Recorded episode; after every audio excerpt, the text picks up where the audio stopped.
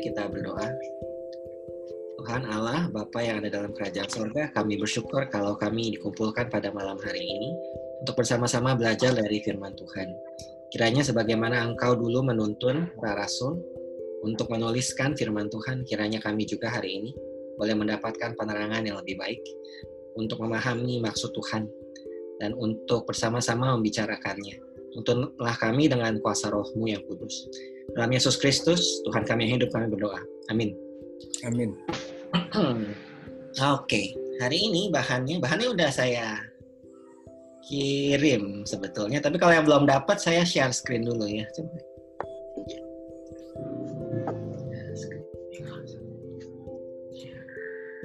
Oke. Dan kita uh, kelihatan nggak ya itu ya? Kelihatan. Kelihatan, oke. Kelihatan, kelihatan. Uh, bacaan kita hari ini dari Matius 23 ayat 1 sampai 12.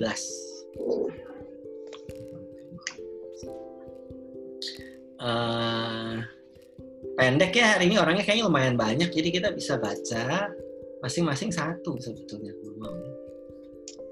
Ah ya, bisa masing-masing satu ya kalau mau baca ya. Saya akan mulai dulu. Matius 23 ayat 1 sampai 12.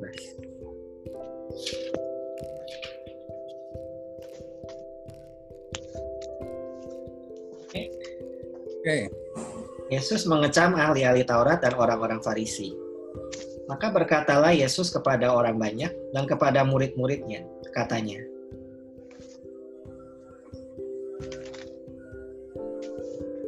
Ahli-ahli Taurat dan orang-orang Farisi telah memiliki kursi Musa.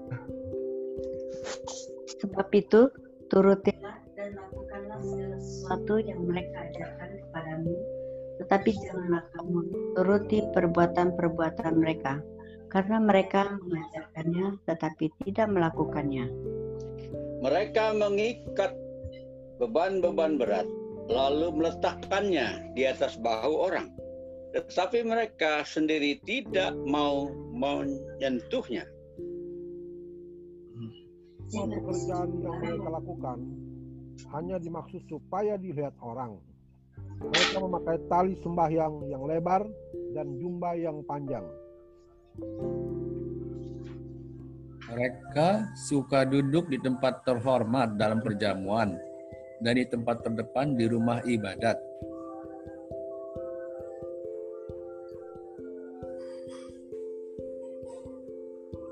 Ya, Franz kali. Lanjut spontan aja. Mereka ya, mereka suka menerima penghormatan di pasar dan suka dipanggil rabi. Tetapi kamu janganlah kamu disebut rabi, karena hanya satu rabimu dan kamu semua adalah saudara. Ya. Tapi Dan janganlah kamu menyebut siapa pun Bapa di bumi ini, karena hanya satu Bapamu, yaitu dia yang di sorga.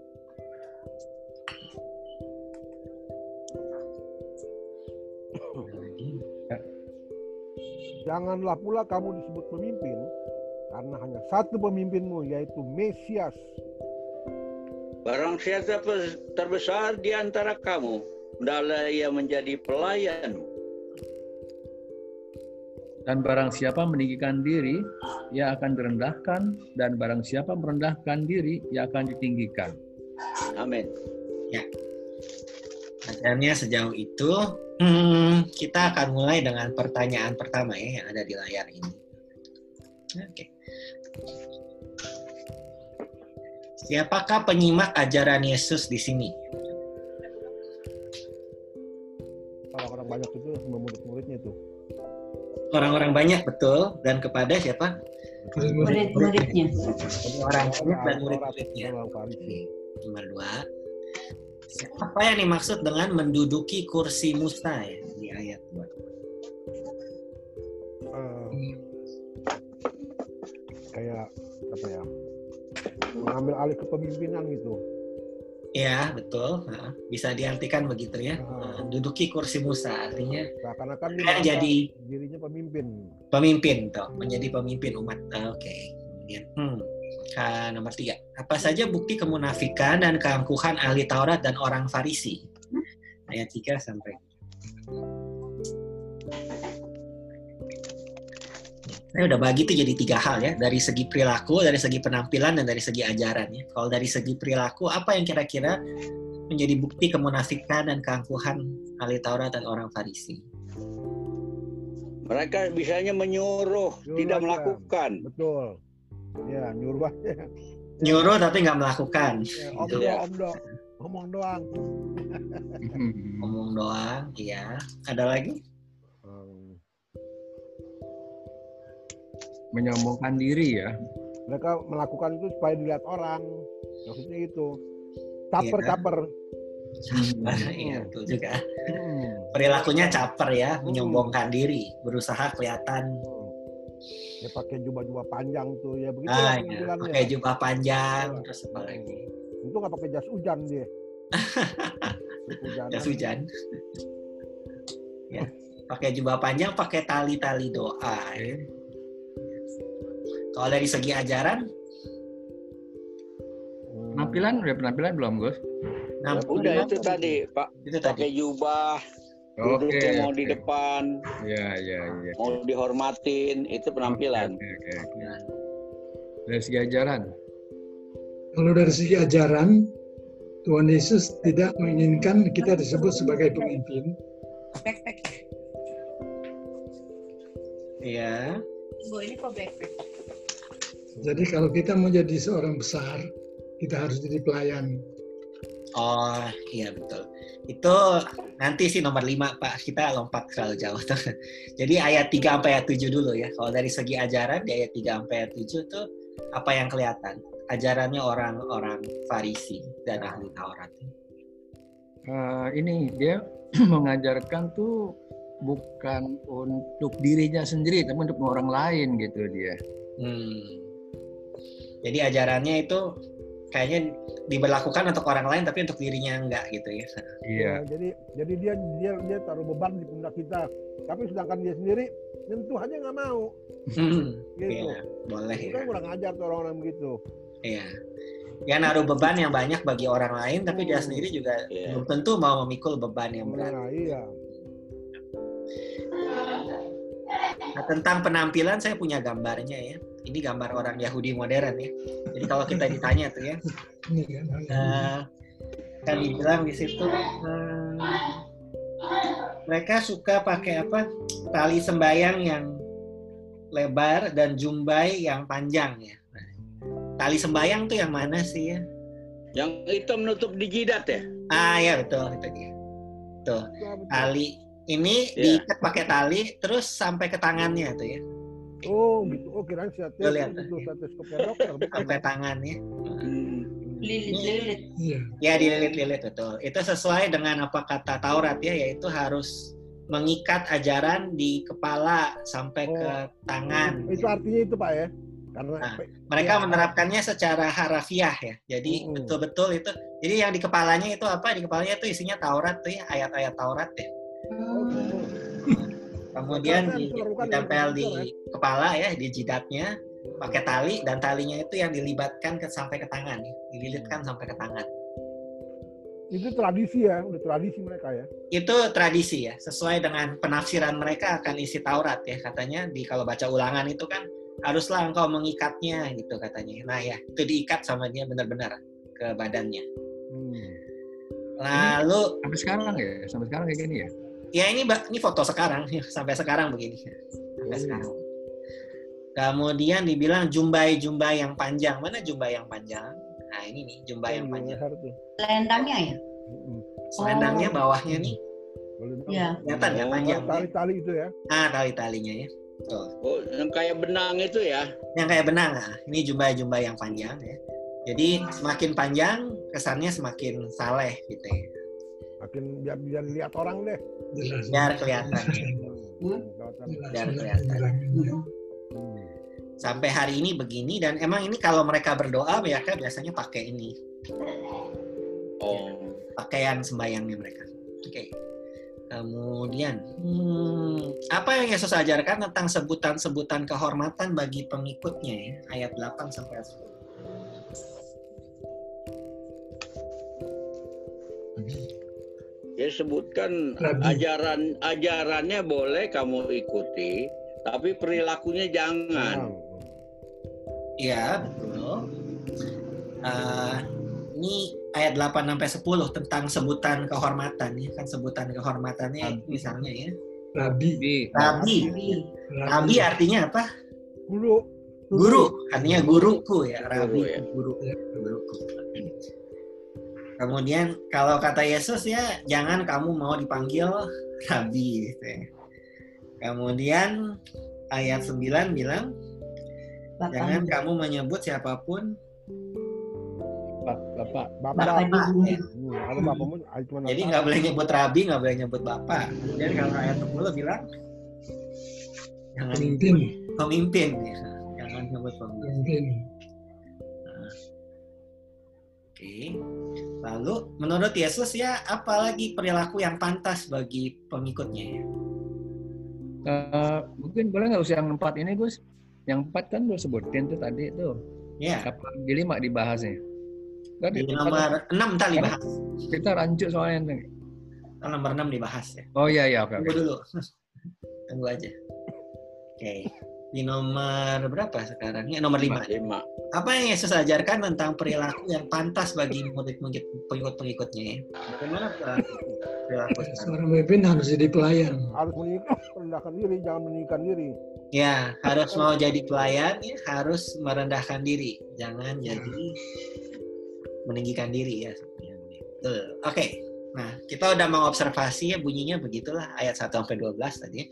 Nah, sekarang kita mau menafsirkannya, menginterpretasi apa isinya. Oke. Oke. Tadi yang berkaitan dengan kata Pak Paulus ya nomor 4 tadi ya. Apakah orang Kristen kalau begitu ya dilarang memanggil orang dengan sebutan rabi atau guru, bapak dan pemimpin?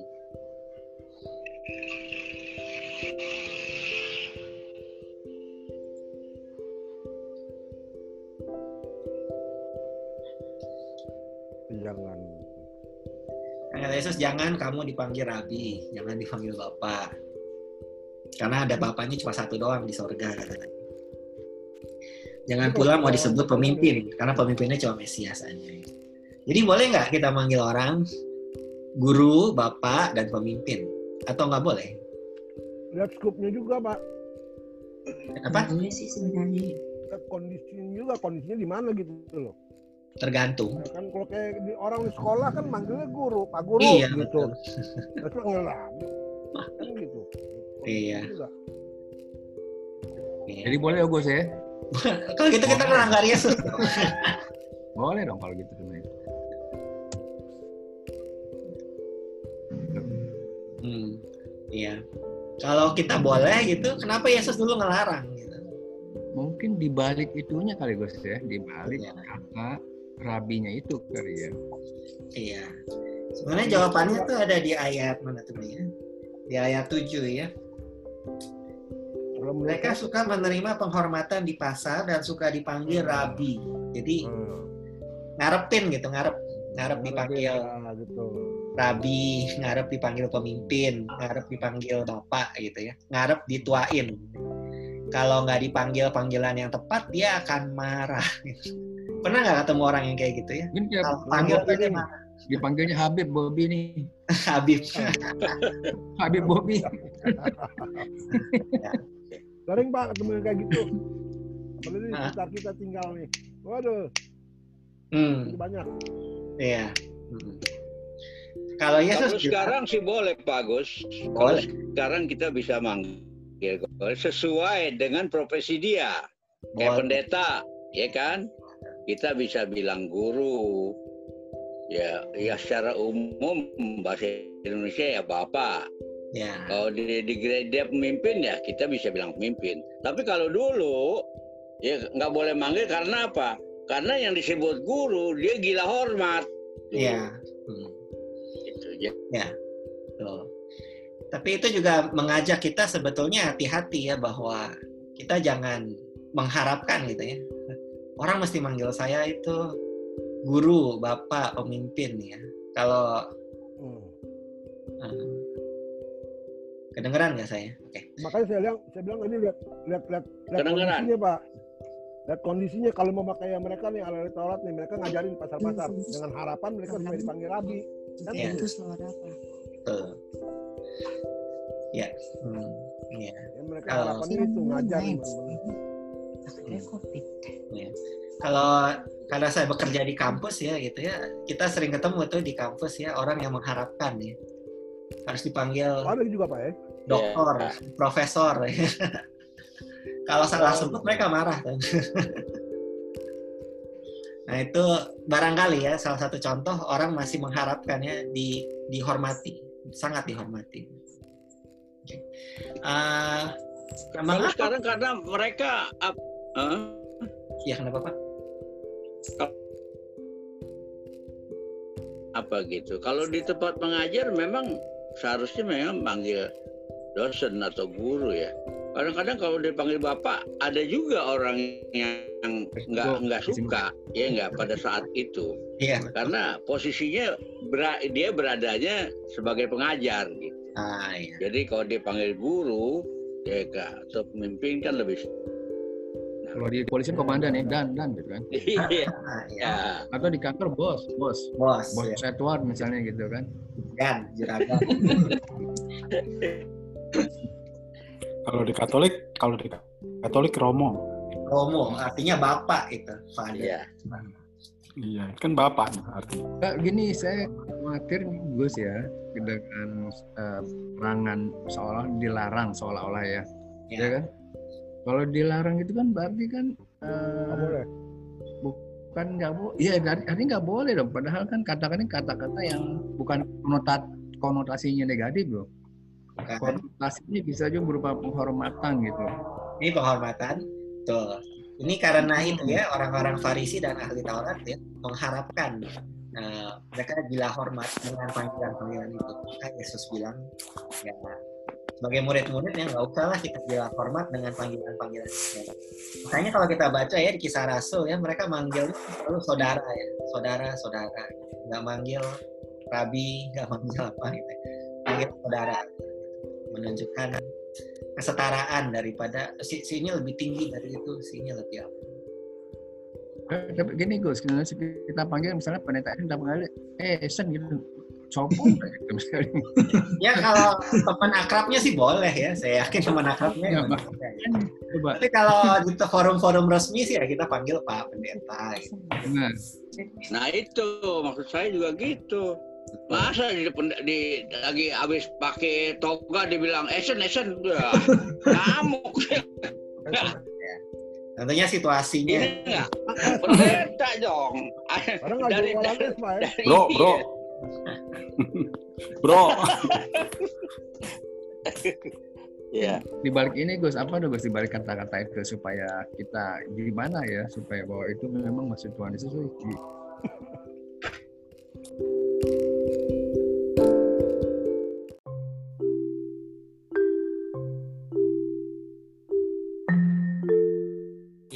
kalau saya kalau saya maksudnya intinya kenapa Tuhan Yesus bilang jangan panggil Rabi karena dia tahu maksudnya si ini eh, kondisinya itu. Yesus tahu apa kondisinya si apa isi hatinya si ahli Taurat tuh tahu dia.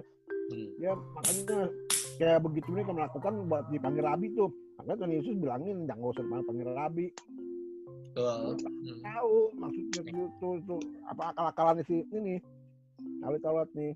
Ya ya makanya saya pikir diajarin jadi gitu. kalau kita baca ini yang berarti baca konteksnya ya seperti iya. tadi dibilang Pak Bobi eh, jangan asal baca sepintas satu ayat aja lalu bilang oh kalau gitu nggak boleh manggil orang guru nggak boleh manggil orang bapak itu bukan itu maksudnya. Ini harus dibaca sebagai satu keseluruhan yaitu ini kritik Yesus ya kepada orang-orang yang berperilaku munafik ya orang-orang yang gila hormat. Eh, janganlah sebagai murid-murid Yesus ya kita jadi orang-orang ya yang mengharapkan Gila hormat. yang berlebihan. Oke. Nah, nomor tujuh ya. Mengapa Yesus sangat mengkritik kemunafikan dan keangkuhan ahli Taurat dan orang Farisi? Dan apa persamaan dan perbedaan antara ahli Taurat dan orang Farisi? Mereka tuh sama apa enggak? ya?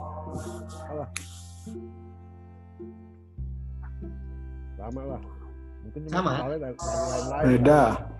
Beda. Beda. Beda. Beda.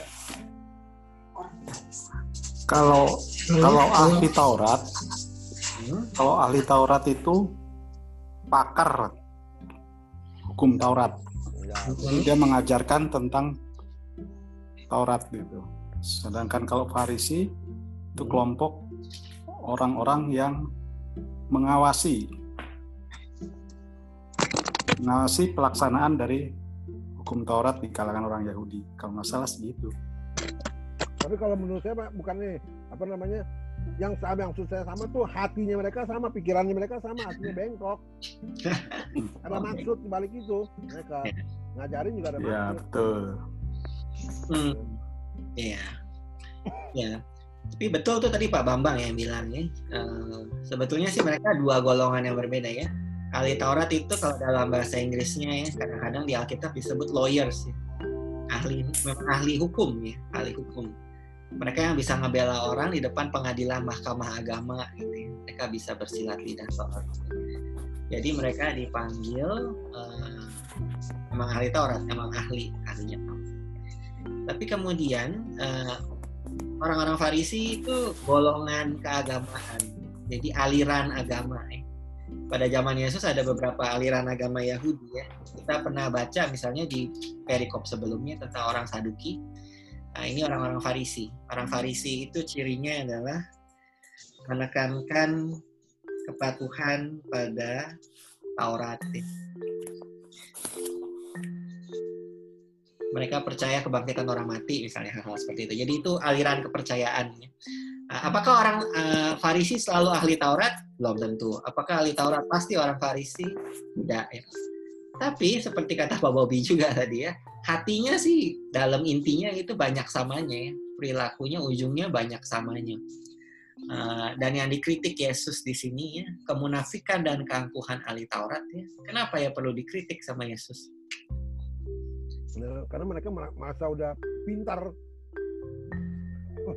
udah segala-galanya deh Rasa dirinya sempurna ya. sempurna Seolah-olah dia nggak terutama mengenai mengenai Taurat Ya, Karena mereka nggak rendah hati sebagai pelayan, betul jadi.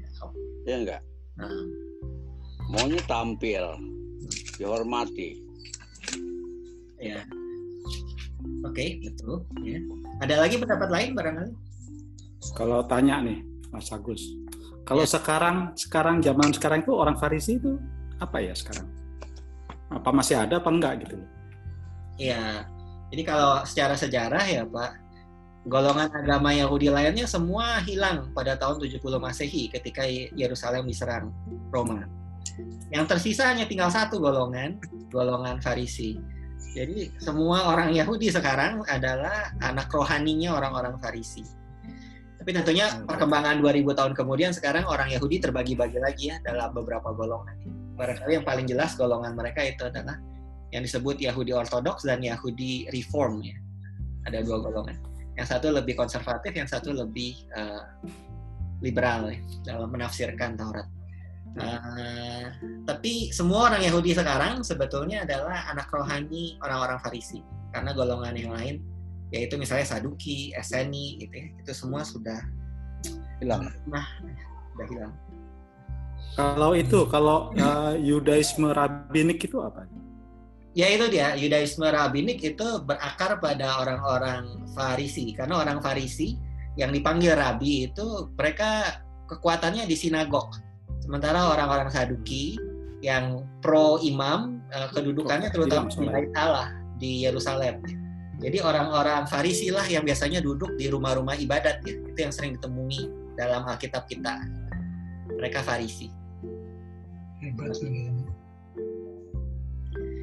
Ya, Oke. makasih. Ah, Gus mau tanya Gus ya. Ah. Ini kan di kalau kita lihat konotasinya kan orang Farisi ini kan eh, negatif gitu ya. hmm, Tetapi kenapa kok tradisi apa jabatan atau kelompok ini malah makin se- 2000 tahun ah, sebenarnya 2000 tahun ini masih eksis gitu.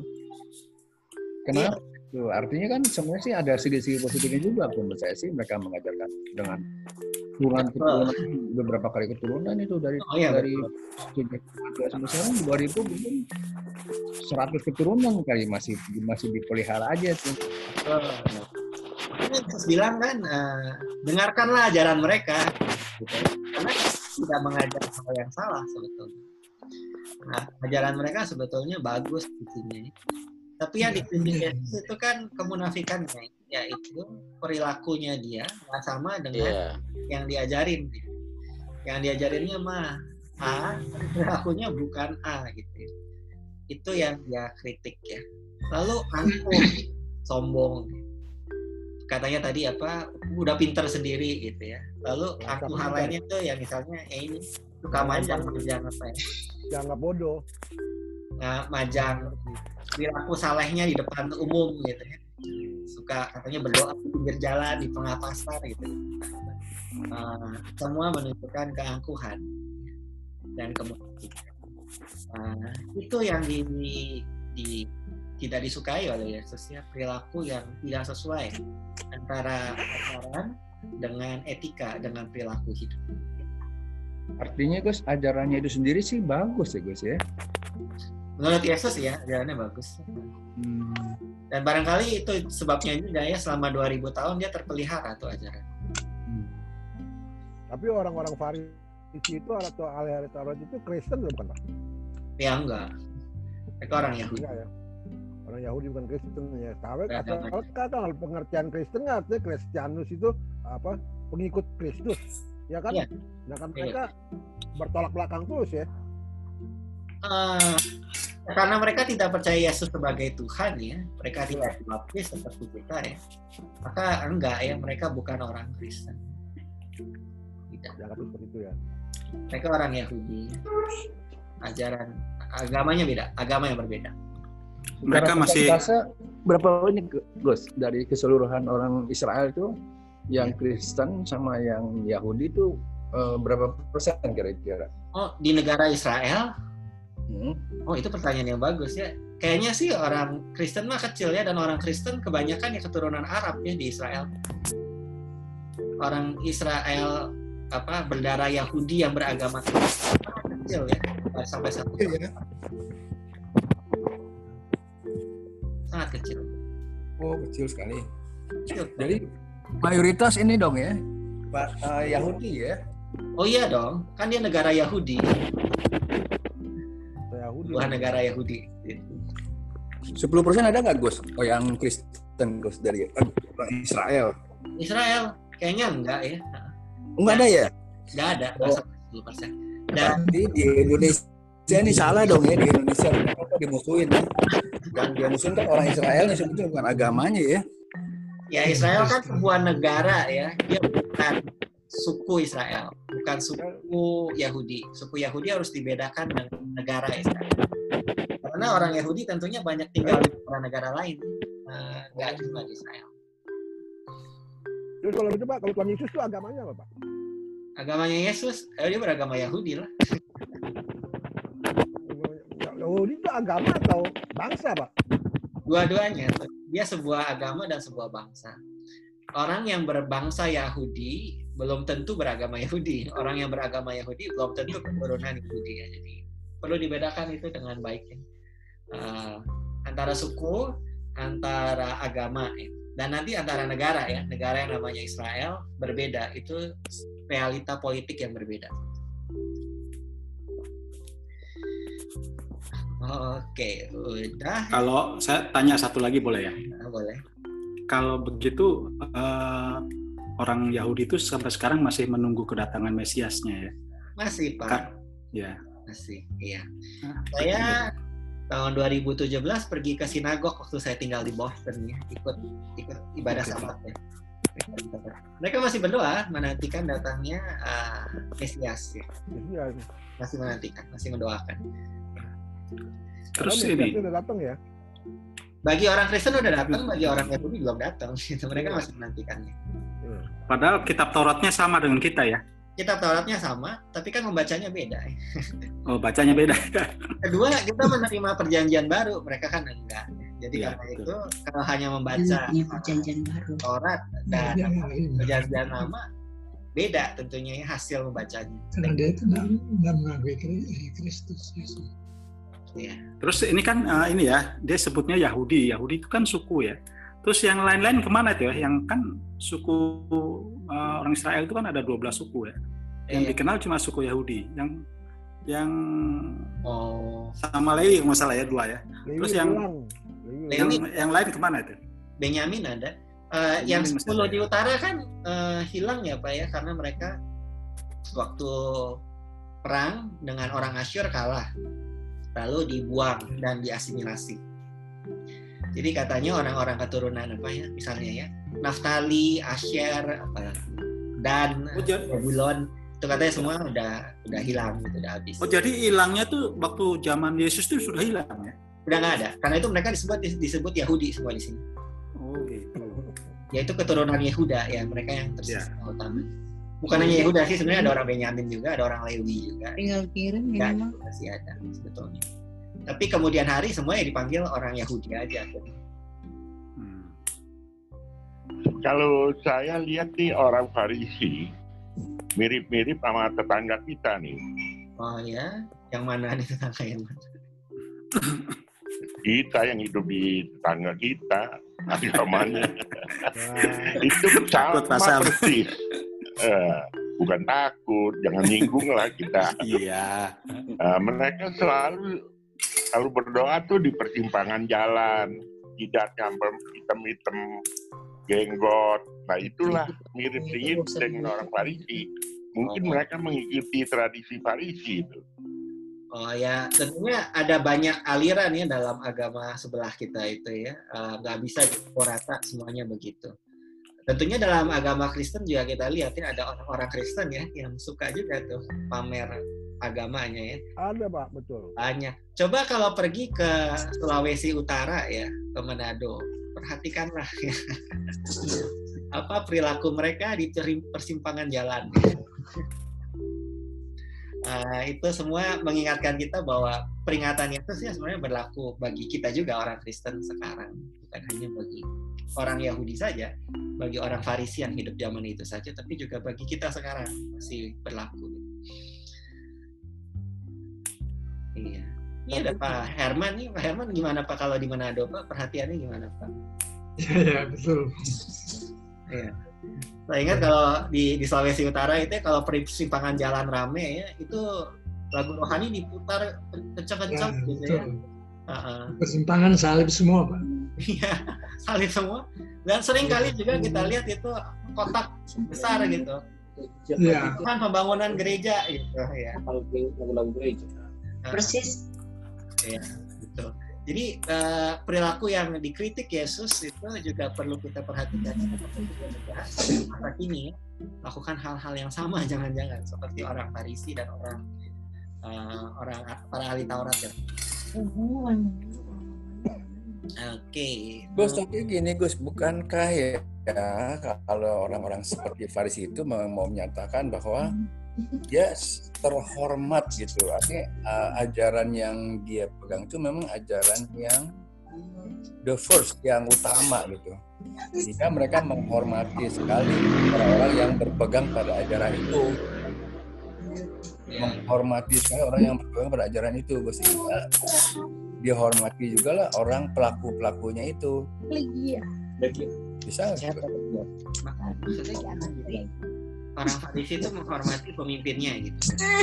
menghormati ajarannya juga memang ajarannya itu Ya. Ajarannya benar. Ajarannya bukan Taurat. Dasarnya.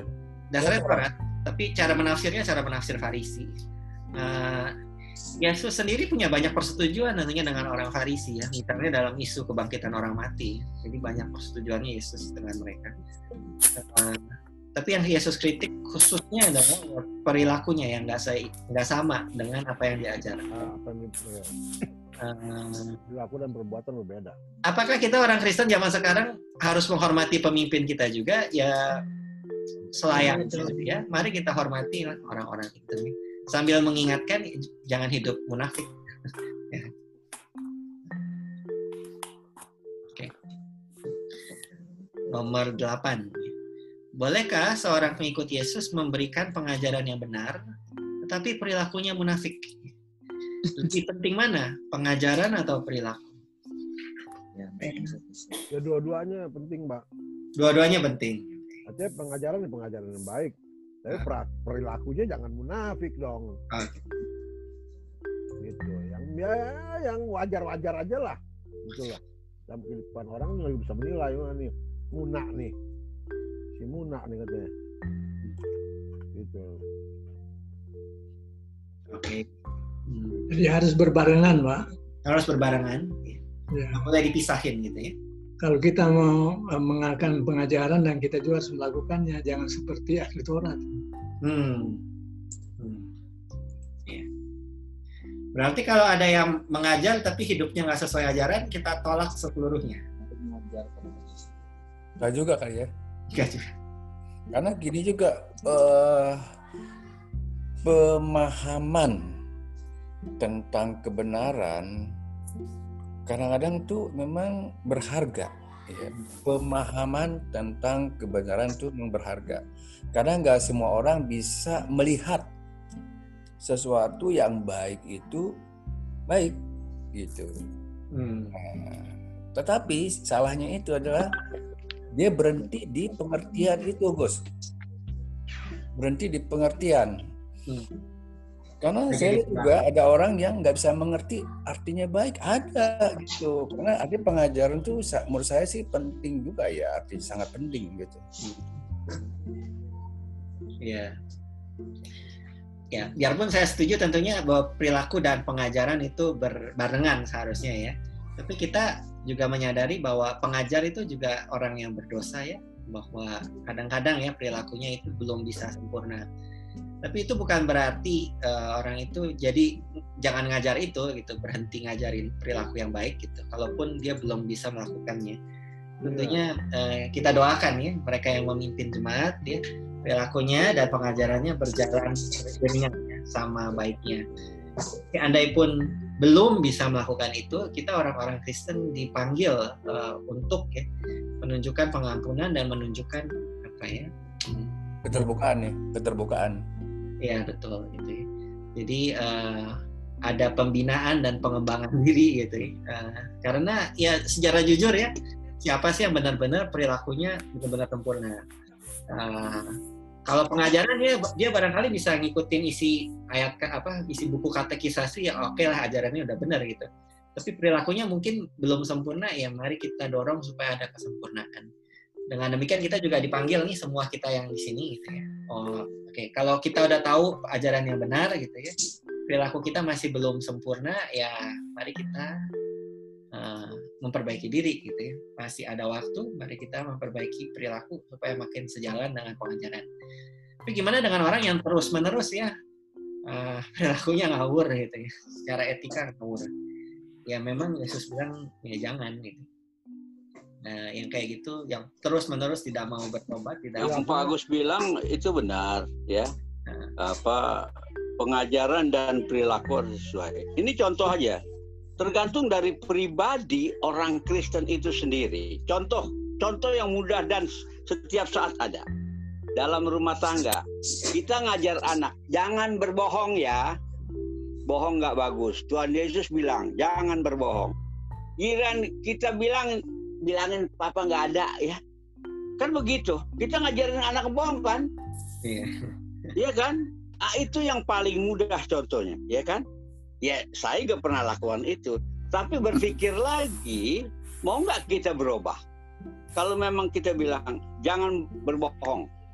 Nah sewaktu-waktu kita ada perlu titip pesan sama anak itu kita mesti jujur juga. Jangan melakukan bilang papa nggak ada. Nah, papanya ada di rumah kan begitu ceritanya ya kan? Itu contoh yang paling gampang.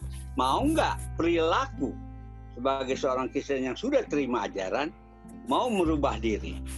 Nah itu. Ya. Pepatah Cina ada yang bilang begini ya. Orang semakin tua harusnya tambah bijaksana. Kalau dia nggak bijaksana udah namanya auban. Bijak sini ya. ya. Ya Sudah, terima kasih. Ya, betul, betul. Ya.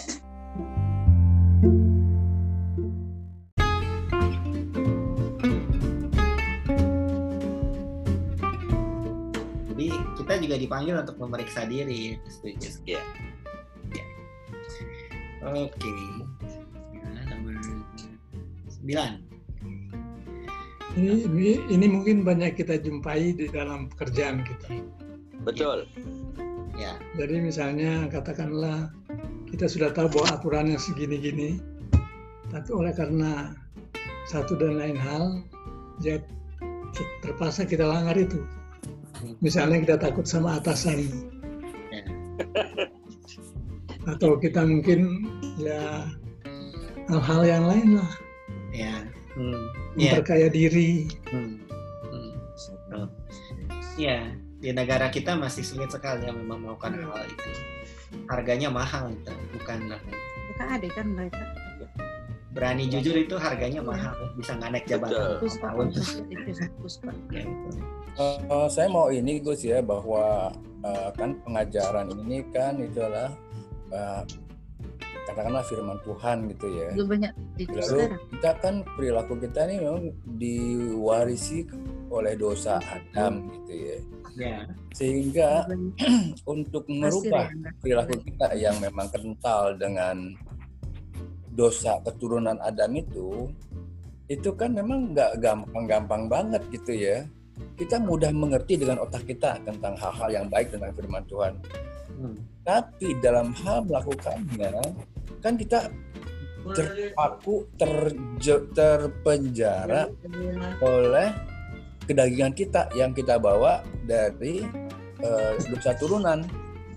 Nah, itu gimana tuh Gus supaya otak kita tahu tentang hal-hal yang baik, tapi kita bisa me- merubah segi-segi kedagingan kita yang kita dapatkan dari warisan.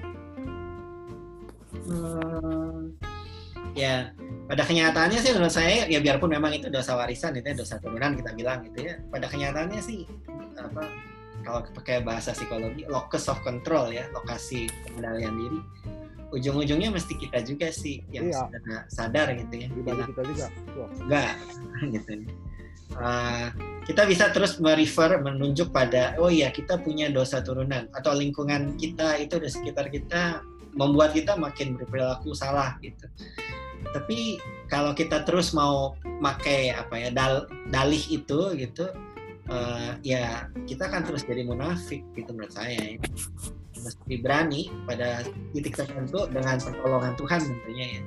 Untuk bilang enggak lagi sih saya mau hidup yang benar Nah, di sini eh, peran dari rekan-rekan sekitar kita ya, saudara-saudara seiman ya, saudara kelompok seperti ini atau kayak eh, pemimpin-pemimpin kita, pembimbing-pembimbing kita gitu penting. Tentunya eh, sambil membuka diri ya pada pertolongan Roh Kudus. Itu proses yang nggak pernah terlalu mudah gitu ya. Itu semua ada perjuangannya sendiri-sendiri. Tapi ya doa dan harapan saya sih kita semua mau berupaya gitu untuk menjadi lebih benar dan lebih baik. Walaupun sekarang masih belum, ya ke depan makin hari makin mau berubah. Jadi Dan pertanyaan gini Gus, uh, mungkinkah perilaku yang jahat itu bisa berubah ah, oleh pengenalan kepada Tuhan Yesus? Mungkin nggak sih seorang pembunuh misalnya? Mungkin aja Ya. Pak. Mungkin lah Pak. Kalau kalau enggak apa gunanya begitu kita Iya. mengkhotbahkan Injil? Iya. Apa gunanya memanggil orang pada pertobatan kalau nggak bisa berubah gitu? Eh, tapi seberapa jauh kita akan sampai sempurna selama hidup di dunia ini nah, itu satu hal yang apa jawabannya itu ada di doktrin gereja masing-masing sebetulnya Eh, saya bertanya ini karena pengalaman dengan si John Kay ini, si eh, eh, John Kay ini dari sebelum dia itu terlibat dengan peristiwa dengan Neke itu, Pembunuhan. itu dianya itu udah bilang saya ini sudah bertobat, Iya. saya ini mau jadi pendeta. Makanya sampai waktu itu saya ingat Yasona Yasonali ya, Lauli itu datang ke sana lihat sendiri baru dia berani memutuskan oh ya ini boleh dikeluarin dari penjara. Iya. Nah tahunya waduh kita kan jadi oh, gimana ini? Ya itu kembali lagi kepada manusianya Pak. Iya. Manusianya. Dia bisa bisa eh, apa bawa dirinya dia nggak gitu loh bisa kontrol dirinya dia nggak apa pun itu kalau kejahat tuh mau kalau kita mau kontrol diri kita kita bisa baik aja sendiri gitu Hmm. Ya. Eh, nggak ada jawaban yang terlalu mudah ya untuk kasus-kasus kayak gitu ya. Kita sayangnya nggak kenal secara pribadi ya John Kay-nya. Tapi Alkitab sih memberi contoh orang-orang jahat yang betul berubah ya. Eh, dan mungkin dalam hidup kita juga kita ketemu ya orang-orang yang karena perjumpaannya dengan Yesus Kristus mengalami perubahan yang besar betul pak gitu. Saya Pak Agus, saya melihatnya jawaban dari uh, untuk menjawab pertanyaan Pak Paulus. Secara umum saya mencoba menjawab. Ya. Dosa turunan atau yang sudah mendaging, enggak, kadang-kadang susah merubah. Nah ini justru apa satu pengalaman yang saya alami, ya. Ada nggak kita niat niat mau berubah, nah niat memperbaiki diri. Nah, Itu dulu. itu dulu Bergantung orangnya, mau nggak? Kalau bilang dia mau, iya Hmm, nggak? Ada, ni- ada Jadi, niat Dia bilang ada niat, Pi. Ada ada niat Ada dulu. niat. Kalau kita cuman ngomong doang, janji doang, manusia nggak bisa dipegang janji. Tapi kalau Tuhan Yesus, amin janjinya. Benar. Makanya Betul, tiap, betul. tiap orang berbeda niatnya dulu. Mau nggak berubah? Kalau mau, saya yakin nggak usah jauh-jauh deh. Iya. Saya ngerokok, habis puluhan tahun ngerokok. Jadi nggak. Begitu kejadian satu kejadian, saya udah pernah cerita kan. Saya bilang saya mau berhenti merokok. Tantangannya luar biasa. Bukan enam bulan, empat bulan, setahun lebih. Ya enggak, itu cuma merokok. Apalagi pribadi yang istilahnya puluhan tahun sudah kita kerjakan yang jahat-jahat. Kalau nggak ada niat, jangan coba-coba. Nggak bisa, cuma di bibir doang. Tapi tidak bisa melakukannya itu. Itu saya bisa bagi dikit ya. Ah, Pi, aku mau tanya, Pi. Pi, aku mau tanya nih, Pi ya. Eh, Kalau lihat dari ceritanya YouTube si, si John Kay, ketika dia itu setelah beberapa tahun di Nusa Kambangan itu, Mhm. dia itu mengabdikan dirinya, mulai dia membersihkan semua WC-WC yang kotor, terus dia baca Alkitab, terus dia ngajarin orang-orang eh, tentang firman Tuhan. Itu niat bukan? Ya. Itu niat bukan? dia niat juga pada waktu itu dia niat pak Niat pada saat itu, tapi niatnya nggak seterusnya. iya Iya enggak? Niatnya begitu dia udah keluar, iya. situasi lingkungan berubah, berubah lagi niatnya. ini jadi kayak kayak ini jatuh di di tengah-tengah pohon duri pak. Apa? Bibit jatuh di tengah-tengah pohon duri ini. Nah, tumbuh tapi masih bimbang. Ah, gitu. Ya, Kira-kira saya kasih contoh lagi nih, Jadi pak. niat itu nggak stabil ya, Pi ya, niat itu ya. Enggak stabil. saya kasih contoh lagi Iya. nih. Ini tetangga saya ini narkoba berat pak dia udah main sabu udah main etep. Etep tuh PT ya udah suntik. Orang kalau udah main etep sudah disuntik susah bisa lepasnya pak karena udah ke darah gitu. Iya. tapi begitu ketemu saya saya ajak ngomong saya bilang ini mesti berhenti. Terus lihat masa depan yang penting pelan-pelan saya gini. Tapi niatnya dia mau dia benar-benar stop sampai dengan saat ini. Dia stop selama tahun gitu. Amin. Amin. Iya. Ya, itu niat pak. Niat niat mau benar kalau nggak ada niat niatin nol besar Kalau saya berpendapat, John Key itu niatnya ada. Tapi setelah bebas, dia masuk lagi ke dunia dia. Nah, ke dunia dia itu kalau tidak dia bubarkan, itu tetap aja berlaku lagi. Seperti orang narkoba, udah sadar, tapi kalau dia tetap bergaul dengan narkoba, ke bawah lagi. Nah itu, jadi kalau John Key waktu keluar dia udah membubarkan anak buah dia, mungkin dia bisa memberitakan Injil. Itu pendapat saya. Setuju Pak Sam. Karena manusia tuh bisa berubah. tapi kita Dia kembali ke kelompoknya salahnya itu. Kita Iya, itu kan dia pemimpin. Kelompoknya masih banyak. Dia jelas dia mau tetap Harusnya- pemimpin. Harusnya dia kembali ke kelompok pendeta. Nah, betul. Kristen harusnya. Nah, kelompok dia bubar. Hmm. Tapi kan Satu punya lagi saya tambah. juga. Saya lupa nih, satu lagi.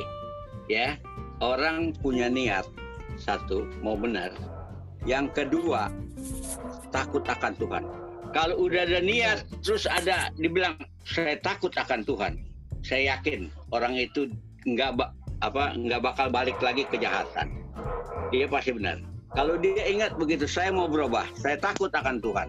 Pasti. Pasti orang itu bisa berubah.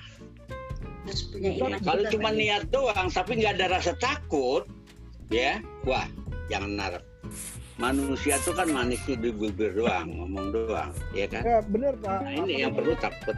Benar takut akan Tuhan tapi juga iya iya dan enggak enggak juga contoh kita lihat kan deket-deket kita tuh ya kan yang ber- yang dia nyebrang nyebrang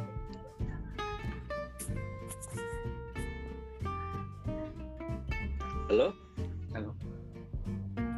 Putus kayaknya ya. Mungkin mesti ada iman juga kali ya. Oh iya, setuju. ada Ya. Ya.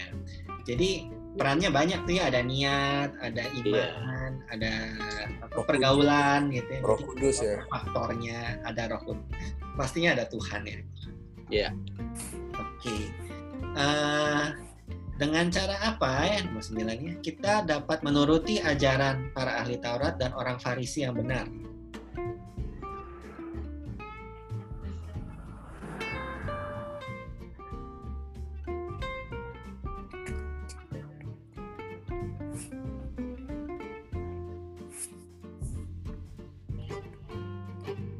Dengan cara kita mempelajari hukum Torah. Ya, betul. Saya juga kita juga iya. Jadi kalau kita baca 10 perintah Allah misalnya ya, itu kan ajaran benar kan, nggak ajaran salah kan. Bahwa kalau orang Farisi tidak melakukannya gitu ya, ya bukan berarti bahwa 10 hukum Taurat itu salah gitu. Kita tetap harus mempelajari ya isi Alkitab Perjanjian Lama dan mempelajari ya, ya Taurat karena itu betul nggak salah kita harus mempelajari Artinya kembali ke laptop ya Gus ya, kembali kepada ajarannya ya, ajaran bukan pada orangnya. bukan pada orangnya ya.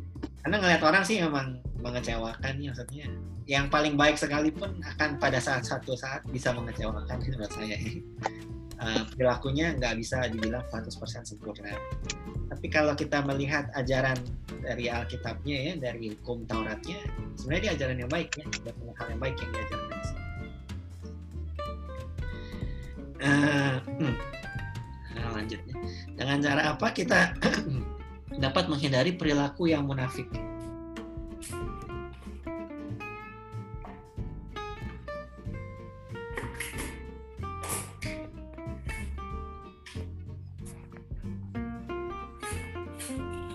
Nafik artinya hati Ya kita kita mengikuti ajaran-ajaran Yesus. Perilaku Yesus kan penuh kasih. Hmm. Nah, dengan kita mengikuti ajaran itu, kita mungkin akan terhindar dengan arti kata munafiknya itu. Dengan berlukakan kasih. Ada lagi? Ya, saya pikir betul juga kata Pak Sam, tapi dengan kerendahan hati. Ya, oke. setuju. Ya, Tuhan Yesus mengajarkan kita harus rendah hati. Ya, rendah hati. Ya. Hmm. Saya saya setuju sama Pak Edward tadi itu takut akan Tuhan. Hmm. Jadi kalau kita takut sama Tuhan, kita akan berperilaku munafik karena Tuhan itu kan tahu, maha tahu. Jadi eh, apa yang kita pelajari, apa kita ajarkan begini, tapi berperilaku yang lain Tuhan pasti tahu. Jadi kalau kita takut pada Tuhan ya itu yang, yang membuat kita mungkin takut juga untuk berbuat munafik. Hmm. Oke. Ada saya jawab? melihat apa untuk kalau untuk munafik memang apa eh, agak sedikit eh, berbeda nih kalau misalnya saya melihatnya nih perilaku yang munafik itu eh, bisa disamakan nggak dengan contoh yang saya akan sebutkan nih? Umpama gini saya menjalankan kasih ya kepada saudara. Saudara kandung lah taruh setiap datang dia minta tolong ini saya kasih. Ingat. saya kasih umpannya.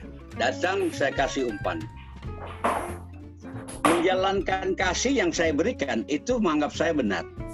Tapi ya, itu tidak baik bagi adik saya yang menerima. Seharusnya saya memberi ya enggak kailnya. Ya kalau dalam kasih. Nah kira-kira untuk melakukan supaya nggak munafik ini cukup di, di apa?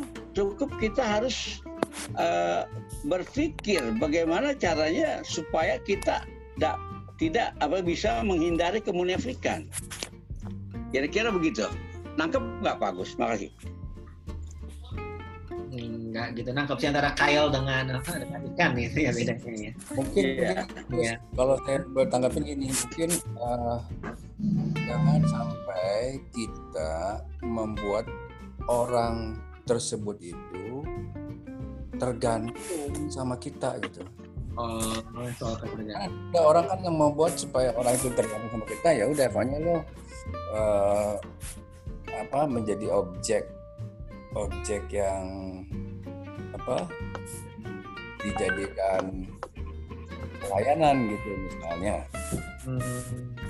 Karena kalau kita ini mungkin ini akhirnya bisa jadi cari hormat barangkali gitu guys karena dia karena dianggap oh, saya butuh dia selalu gitu. Nah, dia supaya dia supaya saya dibutuhkan, nah. supaya saya dibutuhkan, ya memberi dia ya. yang membuat dia tergantung sama saya. Ya. itu yang supaya luar pikir gitu ya. Tapi kan yang yang yang memberikan itu kan Pak dengan ikhlas, tulus. Kan? Betul. Dengan tulus, cuman dia merasa dia memberikan itu bukan memberikan kailnya jadi dia, dia merasa salah gitu kayak hmm. kok kayak munafik mestinya gue mesti kasih kailnya aja gitu hmm. itu kayaknya lebih ke ya betul ya ini niatnya murni nggak kalau niatnya murni tapi orang lain menganggapnya salah atau apa ya nyatanya dampaknya nggak gitu yang baik yang kita minta itu rasanya sih bukan perilaku munafik gitu perilaku munafik tuh kalau ya, kita ngasih bantuan dengan pamrih lalu ya. mau ya mau gila hormat gitu gitu ya, ya. jadi munafik gitu. Oh. Tapi munafik kalau, itu kan munafik itu kan lahir lain di bibir lain di hati. Betul. Iya. Jadi kalau yang diceritain sama Pak Pak ya. Edward tadi Nah itu kan cuma caranya aja. Ya. Niatnya membantu, ya, tapi ya. akhirnya niatnya mah baik, nggak salah. Ya, niatnya ya. kan baik dan dia melakukan yang baik. Ya. Cuma keliru aja caranya gitu. Uh, ternyata nggak efektif. Ya, ya itu efektif. hal yang berbeda sih. Itu uh, bukan menurut saya bukan masalah kemunafikan gitu ya. Nah, itu iya, masalah yeah. cara yang mana yang paling efektif dan paling baik gitu. Tapi kalau munafik yeah. itu seperti contoh yang Pak uh, Pak Paulus tadi kasih ya, misalnya dengan memberi bantuan harapannya sih supaya dengan demikian saya disanjung-sanjung, saya itu dianggap apa ya? Itu munafik uh, tuh. Bukan penolong apalah gitu ya. Padahal sebenarnya mah maksudnya jahat gitu ya. Itu itu munafik kalau misalnya begitu. Ya. Uh, Kelihatannya baik, uh, katanya, tapi aja baik ya tapi sebetulnya nah itu dia kan sebetulnya itulah yang bilang munafik. Betul, betul, terus kan saya tambahan gini Gus bahwa supaya kita bisa menghindari perilaku munafik ini tadi semuanya itu ya yang dikatakan teman-teman itu betul. Cuman saya mau lihat ya lebih ke atas lagi bahwa supaya kita nggak menafik dengan cara kita mengenal Tuhan kita lebih dalam lagi gitu ya Hmm. Karena kalau kita sudah mengenal lebih dalam lagi tentang Tuhan, maka kita tahu dia itu dia itu mengendaki apa gitu ya satu. Kedua, dia itu maha tahu. Kalau kita bohong tuh dia tahu. Mata Tuhan tuh melihat. Gitu. Meskipun hati kita ini bisa disembunyikan terhadap manusia, tapi Tuhan tuh melihat ada di dalam pasti hati kita.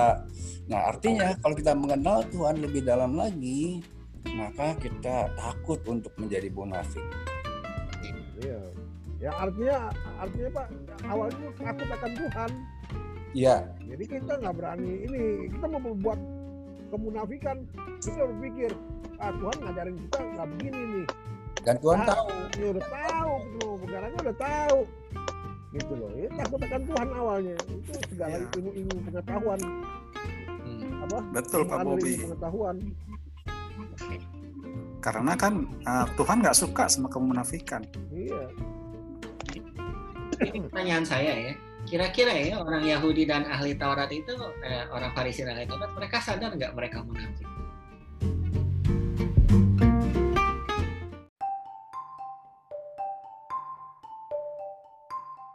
Sadar kalau saya. Sadar. Kalau sadar masih berdosa lagi mereka ya. Karena di sisi lain itu juga pendaringan, Pak. Pendaringan. pendaringan. Cara nyari hidup ya itu ya. Iya. Kerjaannya emang gitu. Iya. Iya. Eh, tapi kadang-kadang kita akan tidak sadar bahwa kita berperilaku munafik ya. Itu ada contohnya di perjanjian eh, baru ya. Paulus mengkritik Petrus ya yang katanya berperilaku munafik. Karena dia nggak mau makan dengan orang-orang Kristen yang bukan Yahudi ya tadi. Sebenarnya kalau di depan orang Yahudi, jadi perilakunya di depan orang Kristen Yahudi berbeda dengan di depan orang Kristen yang non Yahudi gitu. Eh, Nah, kalau kita menghadapi ya kemunafikan yang tidak kita sadari, eh, maka penting kita memeriksa hati memang setiap hari ya. Apakah perilaku kita ya, kalau kita sedang berdoa, mengakui ya, dosa kita dan memeriksa kehidupan kita kita berperilaku yang benar atau tidak? Apakah ada di dalam belum terima kita itu hari siapa video callnya? perilaku yang munafik? oh. Itu salah satu tanda yang ngarah itu. Perlu ya Ah, ya. Jadi itu tambahan dari saya aja. gitu. Kira-kira. Nah, eh, sebenarnya sih udah selesai nih PA-nya ya. Jadi topiknya hari ini sebenarnya nggak terlalu kompleks ya. Ini soal apakah kita berperilaku munafik atau tidak.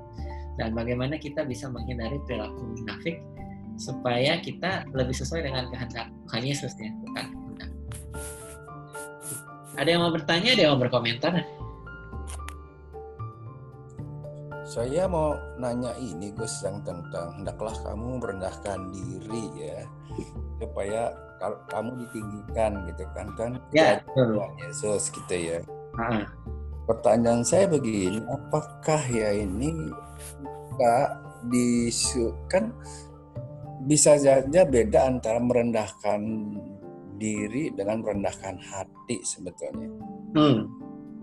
Jadi kalau kita merendahkan diri, sebetulnya kan kita boleh bilang tidak Tidak. menghargai kita sendiri berarti gitu ya Gus. Atau kalau kita rendah hati tuh kita tetap menghargai tapi kita nggak sombong. Di- mana bedanya gitu Gus? Mak- Maksud saya di situ bahwa yang Tuhan inginkan tuh apa sih? Apakah kita suruh tidak menghargai diri kita sendiri ya atau kita tetap menghargai diri sendiri tapi tidak sombong gitu. Hmm. Kalau saya membaca merendahkan diri di sini ada kaitannya dengan status ya, yaitu andai pun status kita adalah seorang apa ya ahli Taurat atau seorang rabi gitu ya, jangan kemudian apa kita jadi eh, nggak mau melakukan hal yang benar atau bikin excuse, bikin apa, ya, bikin alasan gitu untuk nggak melakukan hal-hal yang benar. Gitu. Eh, jadi lebih ke menurut saya gitu ya posisi sosial seseorang gitu ya kan ada kadang-kadang karena posisi sosial dia jadi nggak mau apa ya nggak mau tangannya kotor nggak mau misalnya nyusahin diri gitu ya Eh, Yesus kayaknya ingin bilang gitu rendahkanlah dirimu jangan kamu menganggap status-status itu jabatan-jabatanmu atau apalagi ya kedudukan di rumah ibadah gitu ya sebagai hal yang bisa kita pegang terus gitu ya. Itu semua sebenarnya nggak guna gitu. Malah sebaiknya kalau kita jadi murid Yesus itu ya kita bersedia meninggalkan itu semua. Mau jadi pelayan malah mau melayani bukan mau jadi bos di antara orang-orang beriman lainnya. Kalau saya nangkepnya gitu pak jadi bukan dipertentangkan dengan rendah hati gitu ya bukan bukan itu soalnya di sini ya. Ini soal itu orang kan tadi kata Yesus ya jangan kamu dipanggil bapak jangan kamu dipanggil rabi jangan kamu dipanggil pemimpin. Itu soal status sosial gitu ya struktur sosialnya. Menurut Yesus itu semua nggak nggak penting gitu ya jangan kita berpegang pada hal-hal seperti itu. Lepaskanlah itu jadilah pelayan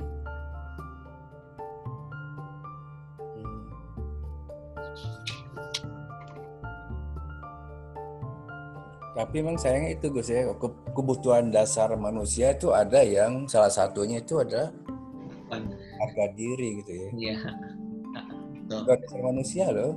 Hmm. Para psikolog mengatakan bahwa salah satu yang membuat jiwa seseorang itu sehat Sehat ya. yaitu kalau dia menghargai dirinya itu Hmm. Iya. Betul. merasa dirinya berharga, Iya. Merasa dirinya itu bermakna. Ya. Saya pikir ini Yesus juga mengubah orientasi itu ya, Pak, yaitu hidup yang bermakna adalah menjadi pelayan, bukan menjadi pemimpin, bukan menjadi yang atau yang kelihatannya dihormati itu. Tapi kalau kita bersedia merendahkan diri dalam arti mau bersusah payah melayani orang lain, mengeluarkan apa sumber daya dan tenaga waktu kita untuk menolong orang lain, di situlah makna diri seseorang ditemukan. Bukan dalam menjadi eh, yang kelihatannya posisi bos pemimpin besar itu ya. Yesus memutar balikan ya pandangan-pandangan yang seperti itu. Dalam masyarakat Yahudi ya eh, tentunya struktur sosialnya itu penting ya. Siapa yang raja siapa yang imam siapa yang apa orang Lewi gitu ya itu semua ada pengaruhnya ketika mereka masuk ke bait Allah mereka bisa duduk di mana bisa masuk sampai mana gitu. Yesus seolah-olah ingin bilang enggak sih gitu. Kalau kamu jadi pengikut saya, jangan berpegang pada hal itu lagi. Harga dirimu ada dalam melayani sesama dan melayani Tuhan. Bukan dalam struktur dan status sosial ya yang diturunkan atau yang diperoleh. Nah, Gus dalam teori organisasi, Gus ya, Oh iya, itu itu kan ada struktur, ada bendahara, ada ada pemimpin, ada ketua. ketua. Jadi di situ bilang, eh kamu jangan jadi ketua semua, jadi ini ya, jadi rakyat. Bukan bukan begitu juga maksudnya ya. ya Kan? bukan itu juga ya. Tapi kalau saya lihat ya eh, ketua-ketua organisasi Kristen yang paling mengagumkan adalah mereka yang bersedia, paling bersedia, susah dan paling bersedia bekerja ekstra keras. Yang paling bersedia menunjukkan kepemimpinan dengan menjadi pelayan melalui teladannya, mau melayani yang lain. Yang paling nggak enak menurut saya dalam organisasi Kristen adalah kalau ada yang jadi posisi ketua terus jadi bos di antara kita gitu. Kerjanya nyuruh-nyuruh doang. Tapi kalau si pemimpin itu sebaliknya ya bersedia bersama dengan yang bawahan ini gitu eh, mengerjakan sesuatu, membimbing gitu ya. Ah, itu kepemimpinan Kristiani menurut saya. gitu. Kalau dia cuma jadi diktator ya, kalau kita salah sedikit diomelin apa perintahnya dia harus selalu yang paling benar. Nah ini gawat. Jadi di situ memang struktur organisasi yang diharapkan Yesus agak berbeda ya. Dia tidak menempatkan pemimpin-pemimpin itu eh, sebagai ya kaisar ya seperti yang dipahami orang eh, pada waktu itu. Sebaliknya, makin mau melayani, makin mau bersedia ada di bawah. Eh, ini eh, apakah kita jumpai dalam struktur pelayanan gereja? Moga-moga kita jumpai. Tapi kalau di kantor, di organisasi non gerejawi itu memang kadang-kadang nggak berlaku. Tapi Pak Agus, salah Gus, salah Gus. Perusahaan-perusahaan zaman sekarang Gus, yang bagus Gus, adalah pemimpin yang melayani Gus. Servant leadership ya. Astra begitu, filosofinya Iya. Astra mau tahu. servant leadership ya. Ya itu contoh bagaimana pemikiran Kristiani akhirnya terbukti benar ya gitu kan. Tapi kalau di militer kan nggak berlaku tuh Pak, jenderal nggak bisa tuh dibilang enggak. Gitu. Iya, betul. Ya. Eh, Pak Gus, Ya. eh, di, di dalam struktur organisasi Kristen, ketua, bendahara dan sebagainya, itu posisi tetap di situ. Ya, Tapi perilaku dari itu semua, memimpin, bendahara, itu mesti rendah hati dan mau melayani ya. ya betul. Ya. Itu ya. Jabatannya sih ada, tetap akan ada jabatan ketua, Tetap. ah, ah. garis bendahara tetap ada. ya. Tapi yang diharapkan dari perilaku mereka dan kesediaan mereka untuk turun ke bawah ya, bukan untuk selalu ada di atas, itu yang diharapkan oleh Tuhan Yesus. Iya. Merendahkan diri di situ. Oke. Oke Gus. Udah ya, ada lagi yang mau berkomentar? Ada pertanyaan lain? Iya. Cukup jelas, panjang, mantap. Oke. Terima kasih semua untuk malam hari ini. Terima kasih juga, bagus. Minggu depan saya belum baca itu apa minggu depan dari mana tapi kayaknya masih ngelanjutin ya kayaknya ya karena kita ngikutin leksionari ya jadi mungkin masih akan berlanjut ke Matius 23 Ya, lanjut aja tambah seru. Kalau lanjut tambah seru. kalau kita baca ke depan ya di Matius 23 selanjutnya ada tujuh kutukan sebetulnya Oh. tujuh kutukan untuk orang-orang eh, Farisi dan ahli Taurat itu. Waduh. Untuk ya. Jadi bukan Kutuk. hanya kalimat Makanya jangan, jangan kalimat jadi orang Parisi dah. Soalnya dikutuk. hati-hati dengan kemunafikan ya gitu ya. Jadi satu hal lagi gitu ya, bukan berarti ya orang yang berpakaian seperti ini pasti munafik enggak ya. Pakaian mah pakaian gitu. Eh, Iya. Yang dilihat Yesus itu dibalik Betul. ini semua apa sih gitu ya. Jadi eh, kalau baca tafsir itu dibilang apakah Yesus menggunakan ini semua dulu? Jawabannya Yesus kemungkinan besar memakai ini semua. gitu. Jadi dia pakai tali sembayang, dia pakai jubah-jubah yang panjang juga.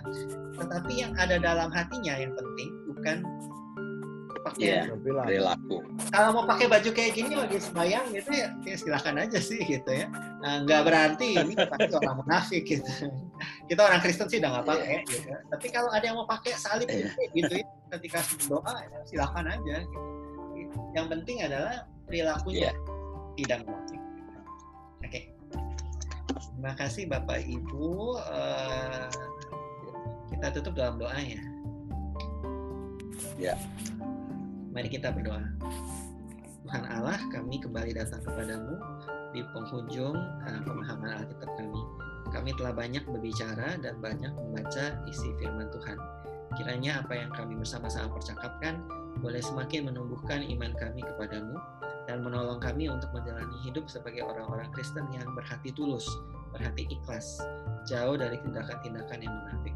Tolonglah kami ya Tuhan untuk selalu bersedia mendengarkan koreksi dari Tuhan supaya hidup kami memang makin hari makin serupa dengan kehidupan Tuhan Yesus Kristus. Dan di dalam namanya itu kami berdoa. Amin. Amin. Amin.